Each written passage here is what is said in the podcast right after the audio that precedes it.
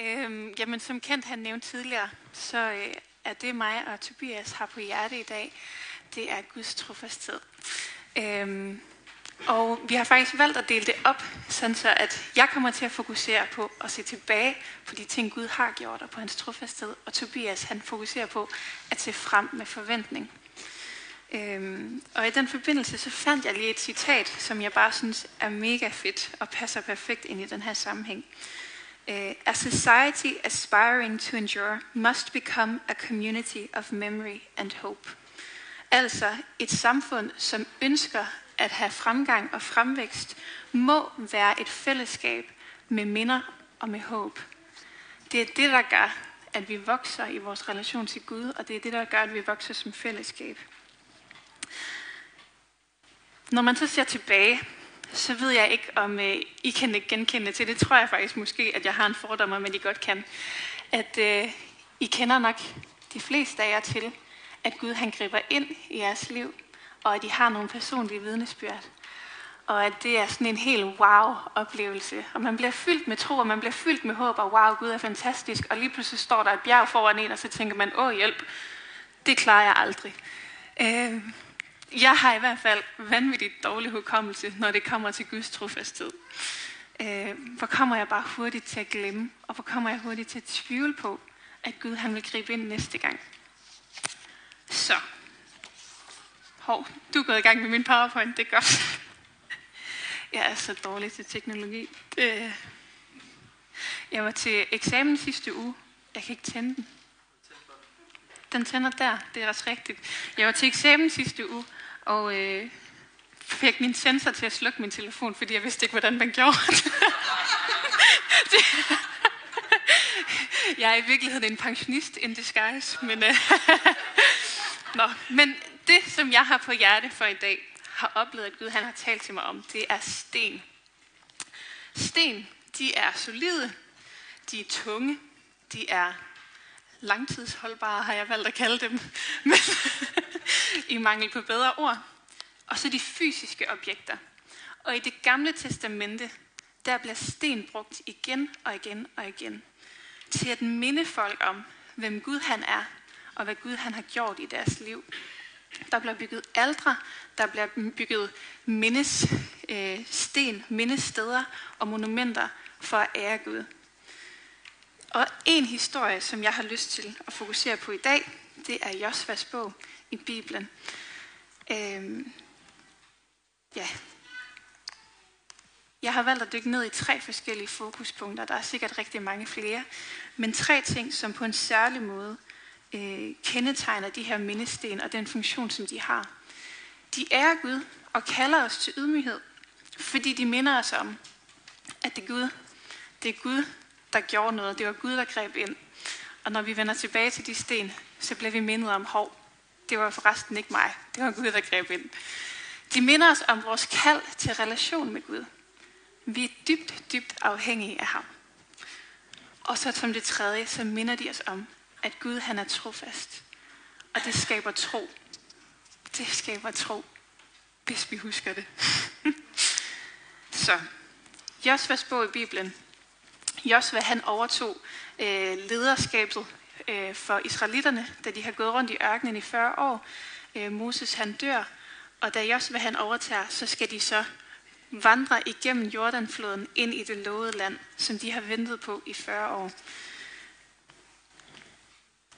Det der sker, det er, at øh, Josva han øh, får nogle øh, hvad hedder det, instruktioner fra Gud, og hvad hedder det, præsterne de går med pakkens ark ind i floden. Vandet det stopper, og de kan passere igennem. Det er et kæmpe mirakel.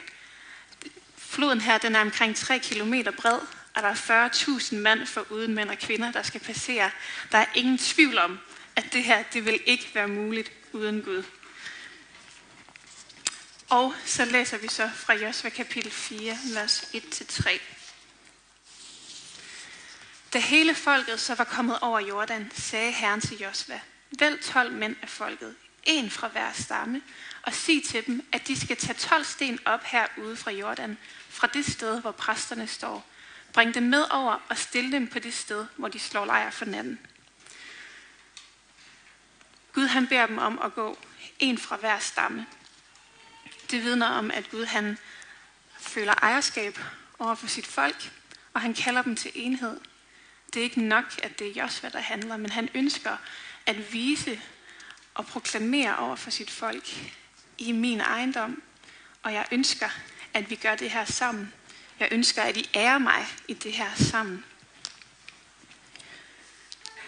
Så vidner det her vers også om, at de her mindesten er Guds idé. Det er ham, der kalder.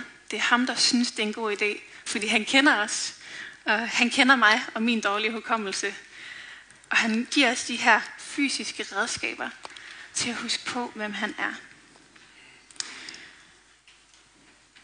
Pagtens ark i den her historie repræsenterer Guds nærvær. Det er Gud selv, der går foran. Det er Gud selv, som deler vandet ved at gå foran sit folk. Det er fra ham, at miraklet det udspringer. Og når vi ser her, at de her 12 mænd, de skal gå hen, hvor præsterne står og tage de her sten, så er det også bare for at understrege, det er kun på grund af Gud, og kun på grund af hans nærvær, at det her, det kunne lade sig gøre. Så bliver de bedt om at tage stenene med til det sted, hvor de skal slå lejr for natten. Og jeg ser det bare som en kæmpe opfordring til, at lige dvæle ved det, når Gud han gør noget i mit liv. Vi har så travlt med at skynde os videre, fordi vi har en lang to-do-liste og alle mulige ting. Men hvor er det bare sundt for os at stoppe op og lige marinere og lad det lære sig i os, at Gud han gjorde det her. Lad det få en tyngde i os. Så står der videre i vers 6 og 7. Det skal være et tegn iblandt jer, når jeg sønder i fremtiden spørger, hvad er det for nogle sten? Så skal I svare, vandet i Jordan forsvandt foran Herrens pagts ark. Dengang den gik over Jordan, forsvandt vandet i Jordan. Disse sten skal for israelitterne være mindesten til evig tid. Stenene er et fysisk tegn, som lå på bunden af den her flod. Hver evig eneste gang israelitterne vender tilbage og ser de her sten, så ved de godt, hov, ja forresten, de kan kun være her, fordi Gud han banede vej igennem vandet. Og jeg tror virkelig, at der er noget vigtigt i det her med, på en eller anden måde i dit liv, når Gud han griber ind, find et eller andet, som kan være en illustration for dig, når du vender tilbage. Og som du godt kan se, det der, det var ikke muligt, hvis ikke Gud han greb ind. For vi bliver så hurtigt fristet til at blive i tvivl om, var det egentlig Gud, eller var det egentlig bare et lykketræf? Var det egentlig bare... Jeg tror virkelig, der er noget vigtigt i, at vi vender tilbage og har efterladt noget som et bevis. Jeg ved ikke, hvad det er i dit liv, men øh, det må dig og Gud jo snakke lidt om. Og så synes jeg, der er en sindssygt vigtig pointe i det her, omkring hvem Gud han er, og hans faderhjerte for os. Disse sten skal for israelitterne være mindesten til evig tid. Altså mindestenene, de lægges først og fremmest for israelitternes skyld. Det er ikke først og fremmest for at vise resten af verden, at Gud han er almægtig, og Gud han kan gøre mirakler. Men det er først og fremmest for at styrke relationen mellem Gud, som går foran, og de folk, som han kalder. Hvor er han bare skøn. Og dermed så vidner mindestenene om Guds karakter.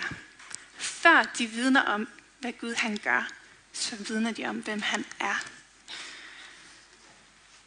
På det her tidspunkt, hvor Josua han krydser Jordanfloden, der er der gået 800 år cirka, fra at Gud han mødte en mand, der hed Abraham, og gav ham et løfte om, at fra ham der skulle der udspringe en talrig slægt, og igennem den slægt, så skulle hele verdens folk velsignes igennem Jesus.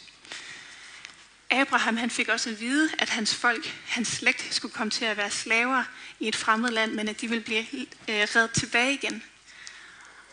Og det vidner bare om, at når vi ser tilbage og lige pludselig ser den her lange række af mindesten, der er blevet plantet, wow, hvor er Gud trofast.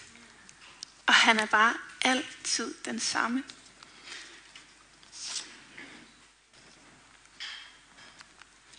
I vers 9 så står der, og midt ude i Jordan på det sted, hvor de præster stod, som bar pagtens ark, rejste Josva selv 12 sten, og der står de den dag i dag. Og da jeg læste det, så synes jeg egentlig, det var lidt spøjst, fordi hvorfor rejse 12 sten, når der kommer vand og oversvømmer dem lige om lidt, så der alligevel ikke er nogen, der kan se dem. Men der er alligevel noget i det her med, rent mentalt for mig, at jeg forbinder miraklet med det sted, hvor det skete. At jeg har et fysisk sted at vende tilbage til, og at jeg på en eller anden måde har tilegnet det sted noget værdi. Og at jeg også har noget, som jeg kan tage med mig. Øh, derudover så ser jeg en personlig handling fra Josva. Det er ikke nok for ham, at folket som helhed, de handler og de mindes, hvem Gud han er.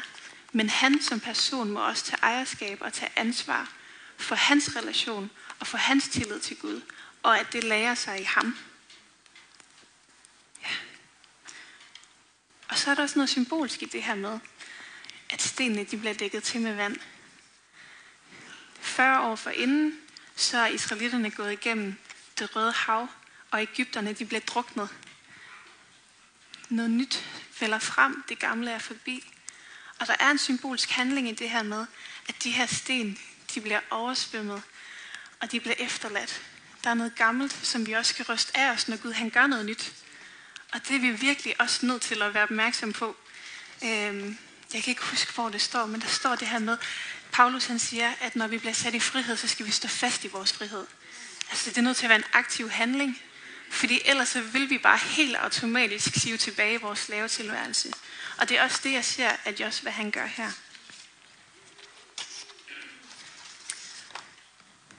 Ja. Til sidst så kommer alle over øh, floden, præsterne og folket. Alle sammen pagtens ark kommer over, og vandet det vælger frem igen. Og så slutter kapitel 4 med det her. Så gentog han over for hele Israels folk, hvad han allerede tidligere havde sagt. I fremtiden, når jeres børn spørger, hvad betyder de mindesten, så skal I sige, at det er til minde om Israels folk, som gik tørskud over Jordanfloden. Fortæl dem, hvordan Herren holdt vandet tilbage for øjnene af jer, indtil alle var kommet over, ligesom han gjorde det med det røde hav, dengang Israels folk skulle krydse det. For alle jordens folk skal det være et tegn på Herrens vældige magt, og det skal hjælpe jer til altid at have respekt og ærefrygt for Herren, jeres Gud. Josva, han ser tilbage, og han connecter de sten, som er blevet plantet i hans liv. Det betyder altså, at for Josva og hans livsfortælling, så bliver Guds trofasthed den røde tråd. Og når Josva han ser på sit liv, så er han en bifigur. Gud han er hovedkarakteren. Det er bare vildt. Tænk, hvis jeg levede et liv, hvor jeg var bifigur. Og mit liv fik lov til at vidne om hans trofasthed. Jeg ved ikke, hvordan I har det. Men jeg kan tit ikke så meget have lyst til at se tilbage. Fordi når jeg ser tilbage på mit liv, så er der altså også mange skuffelser. Der er også mange mørke perioder, der er mange fejl, jeg har begået. Der er mange ting, jeg ærger mig over og skammer mig over. Og det kan godt gøre, at jeg kommer til at blive sådan lidt, nej, jeg gider ikke helt. Men der er altså noget omkring det her med, hvad vi ser tilbage på. Hvem, hvem skal være hovedkarakteren, og hvad er den røde tråd? Og der tror jeg virkelig på vigtigheden i, at vi planter nogle sten. Vi rejser dem. Fordi når vi så ser tilbage, så må det blive de fokuspunkter, der er. Og det må blive den røde tråd. Gud han ønsker, at vores vidnesbyrd skal være en manifestation af hans vældige magt. Og der står her, at det skal være for hele jordens folk. Wow. Men han ønsker altså først og fremmest, at det skal være en manifestation af hans vældige magt i relationen mellem ham og hans børn. At når du ser tilbage, så bliver du mindet om, hvem han er, og hvem du er i lyset af det. Det skaber så meget frihed og så meget tryghed og så meget håb for fremtiden.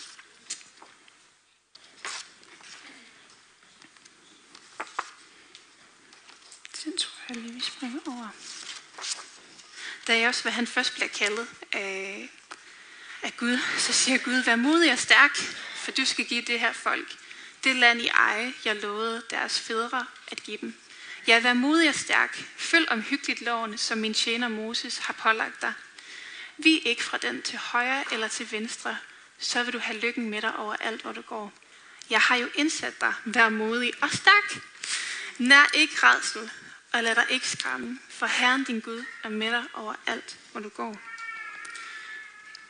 Josua han bliver indsat lige efter en af Bibelens største troshelte, Moses. Jeg tror, det har været ret intimiderende. Jeg kan godt forestille mig, at han har haft sådan lidt gelé i knæene. Og i virkeligheden, så tror jeg også, at jeg var blevet lidt provokeret af, at Gud han gentager det her tre gange, være modig og stærk. Ja, men hvordan? Men Gud han giver faktisk også formlen på det. Han fortæller nemlig, at det er muligt, hvis vi følger hans lov, og hvis vi er i hans nærvær.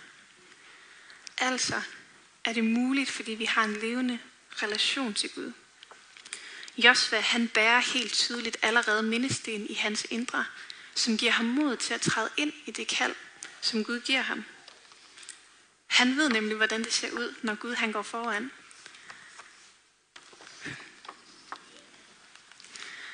Så, hvad er dine mindesten? Det kunne være personligt i dit liv. Det kunne være i din familie. Det kunne være i vores kirke. Hvad for nogle ting har vi at se tilbage på, som minder os om, hvem Gud han er? Og som giver os mod på at gå frem. Ligesom israelitterne, så går din mindesamling ud over dig og dine personlige erfaringer. De så tilbage på en arv, der varede 800 år tilbage i tiden af Guds trofasthed. Og det samme gør vi faktisk, bare væsentligt længere. Abrahams Gud er vores Gud.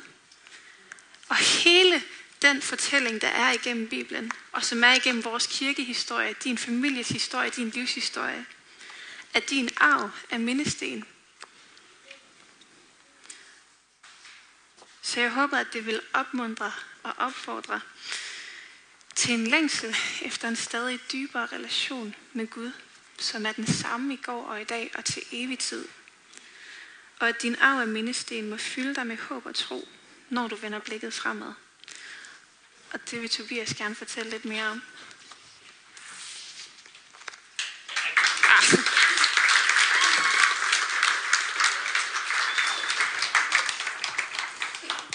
Super godt, mega dejligt. Det er ikke dejligt med hendes forundring over Guds trofasthed. Det er da helt inspirerende, synes jeg. Yes. Og med de ord, så vil vi kigge lidt mere fremad. Men jeg har lyst til sådan at starte øh, lidt et andet sted. Jeg ved ikke, om du kender det der med sådan en følelse af afmagt, eller en følelse af, at man ikke helt ved, hvad man skal gøre, at man nogle gange bliver tilskuer til noget, at man står i noget, og man ved simpelthen ikke, hvad man skal gøre med det, eller i det, eller for det, for at det her det skal blive løst. Sådan en oplevelse havde jeg på et tidspunkt. Jeg har været øh, til Vildbjerg Cup. Er der nogen, der kender Vildbjerg Cup? Der er lige tre hænder, fire hænder. Vildbjerg Cup er en øh, stor fodboldturnering, som finder sted øh, i sommeren, og der kommer omkring 19.000 mennesker, og øh, det stikker af. Der, der er godt gang i den der. Og øh, det var første gang, jeg var med det her år. Jeg tror, det var i 2014. Og øh, du ved, man sover i campingvognen, man sover dårligt, og vi havde spillet dårligt, og det gik ikke så godt, det hele. Øhm, og øh, vi ender med at komme i det her, der hedder Domino Cup. Det vil sige, det er øh, for de hold, der ligesom har tabt i deres gruppespil. Så det er sådan en øh, turnering for taberne, lad os bare sige det på den måde. Og øh, den første kamp, vi skal spille her, der møder vi et norsk hold, og øh, vores træner har lige været ude og kigge, okay, hvad har de her gode spillere og så videre. Det var ham her angriberen, vi skulle passe på. Han var hurtig, og jeg var i forsvar, så det var mig, der skulle sådan stå imod ham, ikke? Og kampen går i gang, og det var som om, jeg var tilskuer på banen. det var som om, at øh, vi ikke var der. Øh, så det, der sker, det er, at de banker bare mål ind. 1-0, 2-0, 3-0, 4-0, og så går det bare derud af. Og jeg kan huske lige specifikt en situation, hvor at, øh, det er i venstre side af målfeltet, og jeg står derover for en eller anden lille gut, og ret hurtig. Og øh, han trækker lige over til venstre, og så sparker han ellers bare. Og jeg prøvede nu at dække så godt, jeg nu kunne, ikke? Og jeg ser bare bolden. Den kører, den flyver rigtig flot lige op i krydset. Og jeg kan bare huske lige i det der øjeblik, Jeg gjorde alt, hvad jeg kunne, men det nyttede ikke noget. Det er sådan en følelse af afmagt, en følelse af, at det hjælper ikke noget. Hvad gør vi? Vi prøver alt, hvad vi kan, men hvad skal vi gøre? det var sådan, vi havde det. Og jeg ved ikke, om du kender den der følelse i dit liv, hvor du er sådan, hvad skal jeg gøre? Om der er noget, øh, kan være familierelateret, hvor der er sket noget, der er noget sygdom eller et eller andet, og du har en følelse af afmagt. Du ved ikke, hvad du skal gøre. Det kan være børnene, du prøver, og du prøver, og de vil ikke, som du vil, og du ved ikke, hvad du skal gøre. Det kan være relationer, kollegaer, venner, hvor du prøver at få tingene, vir, virkelig prøver at få tingene til at fungere, men det hjælper ikke noget. Og den der afmagtsfølelse kommer igen. Det kan være økonomisk. Pengene ruller ud hurtigere, end de ruller ind. Og så videre. Der kan være alle mulige scenarier. Fyld dem selv ud i dit liv. Men den der følelse af afmagt, og at jeg ikke lige helt ved, hvad jeg skal gøre. Hvad gør vi med den? Skal vi bare gå rundt og have ondt af os selv? Skal vi bare acceptere, at det er sådan livet er? Eller skal vi bare bede Gud om at fikse det, og så fikser han det nok, og så behøver vi ikke gøre noget ved det? Hvad gør vi med det? Og jeg tror, at Bibelen har et svar. Øhm, fordi vi er nemlig ikke de første, der har oplevet det. Og vi skal over i anden krønikebog, kapitel 20, og hvis du er lidt ny krønikebog, hvad i verden er det for noget? Det lyder godt nok kedeligt. Ja, det, øh, den har mange spændende historier, vil jeg gerne sige, men den, øh, den øh, kommer den ligger i Gamle Testamentet før Nehemiah, så øh, efter kongebøgerne. Og der møder vi en konge, der hedder kong Josafat. Prøv lige at sige Josafat. Ja, det er så et fedt navn. Det kunne min fremtidige børn godt hedde måske, eller et eller andet. Men øh, kong Josafat her, han er konge over Juda, og det er et område.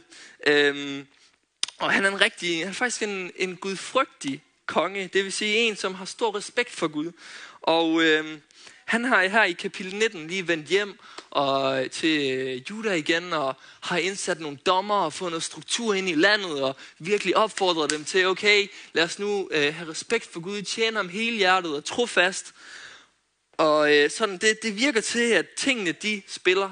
Så her i kapitel 20, som vi kommer til, der øh, får kong Josefat meddelt, at en stor hær bestående af forskellige folkeslag kommer, og de skal til at erobre eller gå i krig mod Juda. Og kong Josafat bliver bange. Og det han gør, at han kalder hele Israel, øh, eller Israel, undskyld, Juda sammen. Og øh, til, til en faste. Både mænd, kvinder, børn, store og små. Og øh, de beder og faster og søger Gud. Og øh, det Josefat så gør, han stiller sig frem, og så beder han og han beder faktisk øh, en bøn, hvor han minder Gud om og folket om, hvad er det, han har gjort? Hvad er det, Gud har gjort? Han på en eller anden måde rejser de her mindesten igen og kigger tilbage. Og kigger tilbage og beder Gud om hjælp i deres situation. Og nu skal vi se, om det virker. Så står der sådan her i vers 12. Hvor Gud fældte dom over dem, for vi står afmægtige, prøv lige at sige afmægtige over for denne store her, som kommer imod os. Vi ved ikke, hvad vi skal gøre, men vores øjne er rettet mod, mod dig. Kong Josafat føler afmagt. Den der følelse, jeg snakkede om tidligere, ikke? eller den oplevelse, man kan have, hvor man ikke ved, hvad man skal gøre. Og det er måske lidt mere ekstremt tilfælde, ikke? fordi det er en konge, han har ansvar for et helt folkeslag, der er ved at blive udryddet. Og han går ikke i gang med lige pludselig bare at samle en masse krigere, og nu skal vi bare bekrige dem, der kommer imod os. Nej, samler folket og søger Gud. Og på trods af, at de ikke ved, hvad de skal gøre, så siger han, men vores øjne er rettet mod dig. De er rettet mod Gud, og lad det være en reminder for os i dag, at når vi føler afmagt, at vi sammen, læg mærke til, at det er det første, han gør, og så gør de det i et fællesskab. De søger Gud først i et fællesskab, øh, for at ligesom løse problemet, eller for, som responsen på den udfordring, på den afmagt, de står i. Og nogle gange har vi måske lidt, måske, måske er vi nogle gange gode til faktisk bare at søge Gud selv. Øh, jeg kender godt selv det der med, at man, øh, jeg, prøver selv at løse alle, jeg prøver selv at løse problemet først, og så, når jeg har fundet ud af alle mine 100 mulige løsninger, der ikke virkede, så søger jeg Gud om hjælp, ikke? Øhm, men søg Gud først i et fællesskab, det tror jeg lige er en lille reminder her. Men det er ikke min hovedpointe, det er bare lige en sidebemærkning. Det der så sker, det er, øh, at i den her forsamling, så er der en, der rejser sig, en der hedder Jahasiel. Endnu et fantastisk navn. Jahasiel. Og øh, Guds ånd taler igennem ham, og han siger, vær ikke bange, og lad jer ikke skræmme af den her store her, for det er ikke jeres kamp, men Guds. I skal blot stille jer og blive stående, så vil I se Herren frelse jer, Juda og Jerusalem. Så inspireret af Gud, så siger han, det er ikke jeres kamp, men det er Guds kamp. I skal ikke kæmpe, men Gud skal kæmpe. Og så læser vi videre her i vers 20. Næste morgen drog de ud til Tekoas, jeg ved ikke, hvordan man helt siger det der, øh, ørken. Og da de drog ud, stod Josafat frem og sagde, Hør mig, Judæer og Jerusalems indbyggere. Hold fast ved Herren jeres Gud. Hold fast ved Gud. Så vil han holde fast ved jer. Hold fast ved hans profeter. Så på de ting, der er blevet talt, øhm, så vil I have lykken med jer. Og så siger han i det næste, og det er det her, Hov, undskyld, det gik lige lidt for langt frem. Det er det her, der er key. Derpå rådførte han sig med folket. Det vil sige, han som konge rådfører sig. Det vil sige, diskuterer med folket, søger råd. Hvad gør vi? Og så står der, og så opstillede han sangere, der skulle lovprise Herren i hans hellige majestæt, mens de gik ud i spidsen for krigerne, syngende, tak Herren, hans trofasthed var til evig tid. Wow, hvad sker der der? Altså, er han dum, eller hvad? Kong Josefat, hvad laver han?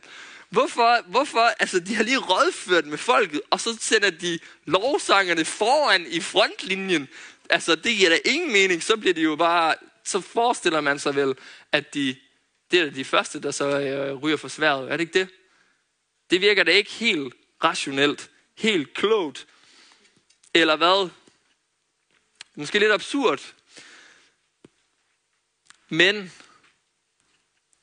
de havde fået det her ord om, at det var Guds kamp. Det var Guds kamp. De skulle ikke kæmpe, de skulle stille sig. Og så ville Gud kæmpe kampen for dem.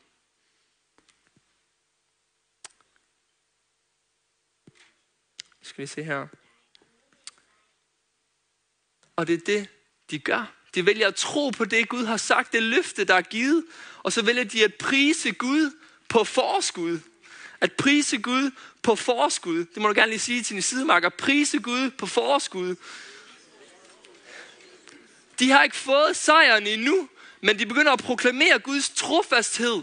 At hans, tak herren, hans trofasthed var til evig tid. Det priser ham, før de har set gennembrud, før der er sket noget. De vil jeg stå fast på det, Gud han har sagt, på de løfter, der er givet, og at Gud vil kæmpe kampen for dem. Og det er så det, der også ender med at ske. Der står sådan her. I det øjeblik, de satte i med jubelråb og lovsang. Lad os lige stoppe der et øjeblik. I det øjeblik, altså lige det, de gør det, men også, det er jo kun sådan, sådan lidt stille og rolig lovsang. Det er jo jubelråb og lovsang, ikke? Altså, der sker noget. I det øjeblik, lå Herren et baghold, øh, et baghold angribe ammonitterne, moabitterne og dem fra Sejes bjerge, som rykkede frem mod judæerne, og de blev slået. Altså folkeslagene, der var imod dem, de blev slået i det øjeblik, de begyndte at prise Gud. Og jeg tror, det jeg oplevede var, og det jeg tænker, vi kan lære den her beretning, det er, at vi skal prise Gud på forskud. At vi gør det før vi ser tingene ske. Og så tænker du måske, hvorfor kan vi ikke bare gøre det efter Gud ligesom har gjort det hele? Jo, det kan vi også godt, og det skal vi også. Men når vi gør det før, når vi gør det før tingene sker, midt i den der følelse af afmagt, midt i den der desperation måske, det vidner om en tro til Gud. Jeg tror, jeg tror det behager Gud på en særlig måde. Øh, Hebræerbrevet siger det her med, at uden tro, så kan vi ikke være Gud til behag. Det er, at vi tror på, at Gud faktisk opfylder hans løfter og hans ord, før at det er sket. Det vidner om, at vi tror på Gud, at Gud er større end vores situation. Kan jeg få et amen på det? Ja, det giver os perspektiv. Det sætter tingene i perspektiv igen, at vi fokuserer på Gud, som er problemløseren, i stedet for problemet i sig selv. Og nu siger jeg ikke, at Gud han vil løse alle dine problemer lige, og at det ikke er din kamp og sådan noget der. Øh, fordi jeg tror, at Gud han ofte, det har jeg i hvert fald erfaret i mit liv, at øh, Gud ikke bare løser alle mine problemer, men at han ligesom lader problemerne komme, og så går vi sammen igennem det, Tobias. Ja, fordi så kommer du nemlig til mig, ikke også? Ja. Og det, det er altså et offer af sand værdi, når du begynder at prise Gud på forskud. Fordi det koster dig noget. Det koster dig noget. Det er ikke bare nemt. Det er nemt at gøre, efter Gud han har givet dig alle gaverne. Og det bare kører det ud af ham, så er det nemt at prise Herren. Men når du gør det inden, så koster det dig noget. Og ved du, jeg tror ikke, at vi kan få lov til at gøre det i himlen helt på samme måde. Fordi i himlen er der ikke noget smerte, der er der ikke noget lidelse. Det kunne læse om i åbenbaringsbogen. Men det er der på jorden. Det er der på jorden. Så når du er der, må vi da prise Gud på forskud. Må det være en tros erklæring og en tros handling i vores liv, der vidner om vores tro. At vi minder, hvem Gud han er, og hvem vi er. For vi lever i tro, og ikke det, der kan se, siger Paulus. Amen. Ja, og Gud han er ære værd, på trods af hvad vi oplever, på trods af hvad vi føler. Gud han er ære værd. Han er hellig, han er kærlig, og han er trofast. Og så har han faktisk også allerede kæmpet en kamp for os tidligere. Nu har vi ikke nævnt ordet Jesus endnu, men det kommer. Jesus, han har kæmpet en kamp for os. Han har kæmpet en kamp for dig og mig. Det var den synd, som vi ikke kan dele med. Og synd, det er lidt, uh, lidt et uh, weird begreb, hvis du uh, er ny, ny i kirke. Synd er det her med, at man misser målet, at man gør noget forkert. Og den kamp har Jesus kæmpet. Han har gået igennem livet, båret vores synder på korset. Adskilt fra Gud, for at vi kunne komme foran Gud med Jesu retfærdighed, altså med hans hellighed. Og Jesus ikke bare døde, men han opstod igen på tredje dagen og besejrede døden på den måde også. Fantastisk. Så min bøn er, at vi som mennesker og vi som kirke må, være, må have en stærk tro, at vi med vores lovsang og tilgang til Gud ikke må er Gud kun lige, når vi føler for det. Men at vi må prise Gud på forskud.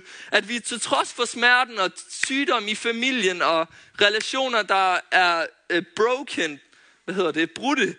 Undskyld mit engelsk her. Relationer, der er brudte. Økonomien, der driller. Måske også et kirkeprojekt, der virker til at gå lidt i et langdrag. Lad os prise Gud på forskud. Lad os prise Gud for, at han kommer til at give os den kirkebygning. Lad os prise Gud for, at han kommer til at, at komme igennem. Og ikke kun det, men pris Gud for, hvem han er. For hvem han er, for han er trofast, og han er god. Må vi som mennesker, vi som kirke sige, vi ved ikke, hvad vi skal gøre, men vores blik er rettet mod dig. Amen. Nu ved jeg ikke, om der er flere slides. Det tror jeg ikke, der er. Må jeg begynder også at blive lidt hæs. Det betyder, at jeg skal til at runde af. Øhm, ja. Her til afrunding, så vil jeg egentlig lige... Badabum. Så skulle I gerne have øh, sådan en her på jeres øh, stol, hvis I ikke har øh, smidt dem ud eller krøllet dem sammen endnu. Og det tanken var, vores oprindelige mål var, at man øh, at vi havde nogle sten, og så kunne man ligesom have en mindesten, og sådan, det kunne være fedt, men det, det blev ikke lige sådan noget. Så vi har vores sten, det her det er vores sten. Øhm, så vi kommer til at have fem minutter nu her, efter prædikenen, hvor vi vil opfordre dig til at, at rejse din mindesten og skrive ned, hvilke minder har du med Gud? Hvordan har Gud været trofast i dit liv? Øhm, for ligesom at få noget handling på det, vi har hørt. At vi ikke blot er ordets hører, men ordets gør. Så rejs din mindesten. Hvad har Gud gjort for dig? Mind dig selv om Guds trofasthed. Noget specifikt, han måske har gjort i dit liv. Og så kunne du måske vende den om, eller jeg ved ikke, om der er to lapper papir, men så kunne du måske vende den om, og så se på, har Gud givet mig et løfte? Har Gud talt til mig om noget, der kommer til at ske? Det kan også være, øh, det bare er øh, et mindre specifikt løfte, hvis ikke lige du ved, hvad det er, du skal skrive. Det kan være, at Gud han er med dig. Det er det løfte. Det ord, du vil holde fast i. Og så kommer vi til, efter de fem minutters refleksion her, hvor man lige kan få lov til at øh, tænke over og mærke efter, hvad det er, der har talt til dig, så kommer vi til at prise Gud på forskud i lovsang. Amen. Godt. Og du skal bare vide, at du er gæst her i dag, og du, øh, du er ikke lige vant til alt det her med kirke og det her med sædler, og nu skal du skrive ned og sådan roligt. Det er totalt frivilligt. Det er helt op til dig. Vi vil bare opmuntre og opfordre til at øh, måske lige at skrive nogle tanker ned om, hvad Gud har gjort, og hvad han kommer til at gøre forhåbentlig. Ja. Og også til dig, som måske ikke har mødt Jesus endnu i dit liv, men du har hørt lidt om ham i dag. Øhm, så har du mulighed for at invitere ham ind i dit hjerte i dag. Og det er den mest fantastiske beslutning. Det kommer til at have indflydelse på resten af dit liv. Ja. Så øhm, inden vi lige begynder at fylde alle sædlerne ud, og inden vi går ind i en refleksionstid, skal vi så ikke bare lige lukke øjnene, og så beder vi lige. Kære Jesus, tak fordi du er her. Og tak for, øh, at du kommer ind i dem, som ikke kender dig nu. Hvis du er her i dag, og du ikke kender Jesus, så må du gerne bede sammen med mig. Øhm, Jesus, jeg tror på dig, og Jesus, jeg vælger at invitere dig ind i mit hjerte. Du får lov til at være her i mit liv. Får lov til at være Gud i mit liv, og det er ikke længere mig, men det er dig. Jeg vælger at tro på, at du er Guds søn. Du er korsfæstet og genopstået fra de døde. Tak, Jesus, fordi du kender hver enkelt, og fordi du ser hver enkelt situation. Bed om, at du må tale, og jeg beder om, du må gøre dit værk i hver enkelt. Amen. Og lige som en sidste ting, inden vi går over i refleksions, så havde jeg en oplevelse af, at der sidder nogen i dag, som øh, måske er blevet såret på kirke. Øhm, og til dig vil jeg bare sige, inviter Gud ind i det, og måske endda komme kom op til forbind, som Kent vil introducere senere, eller komme op og snakke med Kent eller en af os, øhm, hvis det er dig, der egentlig har haft den oplevelse. Ja, vi, øh, vi er sammen, vi er et fællesskab, og vi elsker og ønsker at lytte og være sammen og gå med dig i det. Ja, Simon, værsgo til dig, og værsgo til bare lige at reflektere.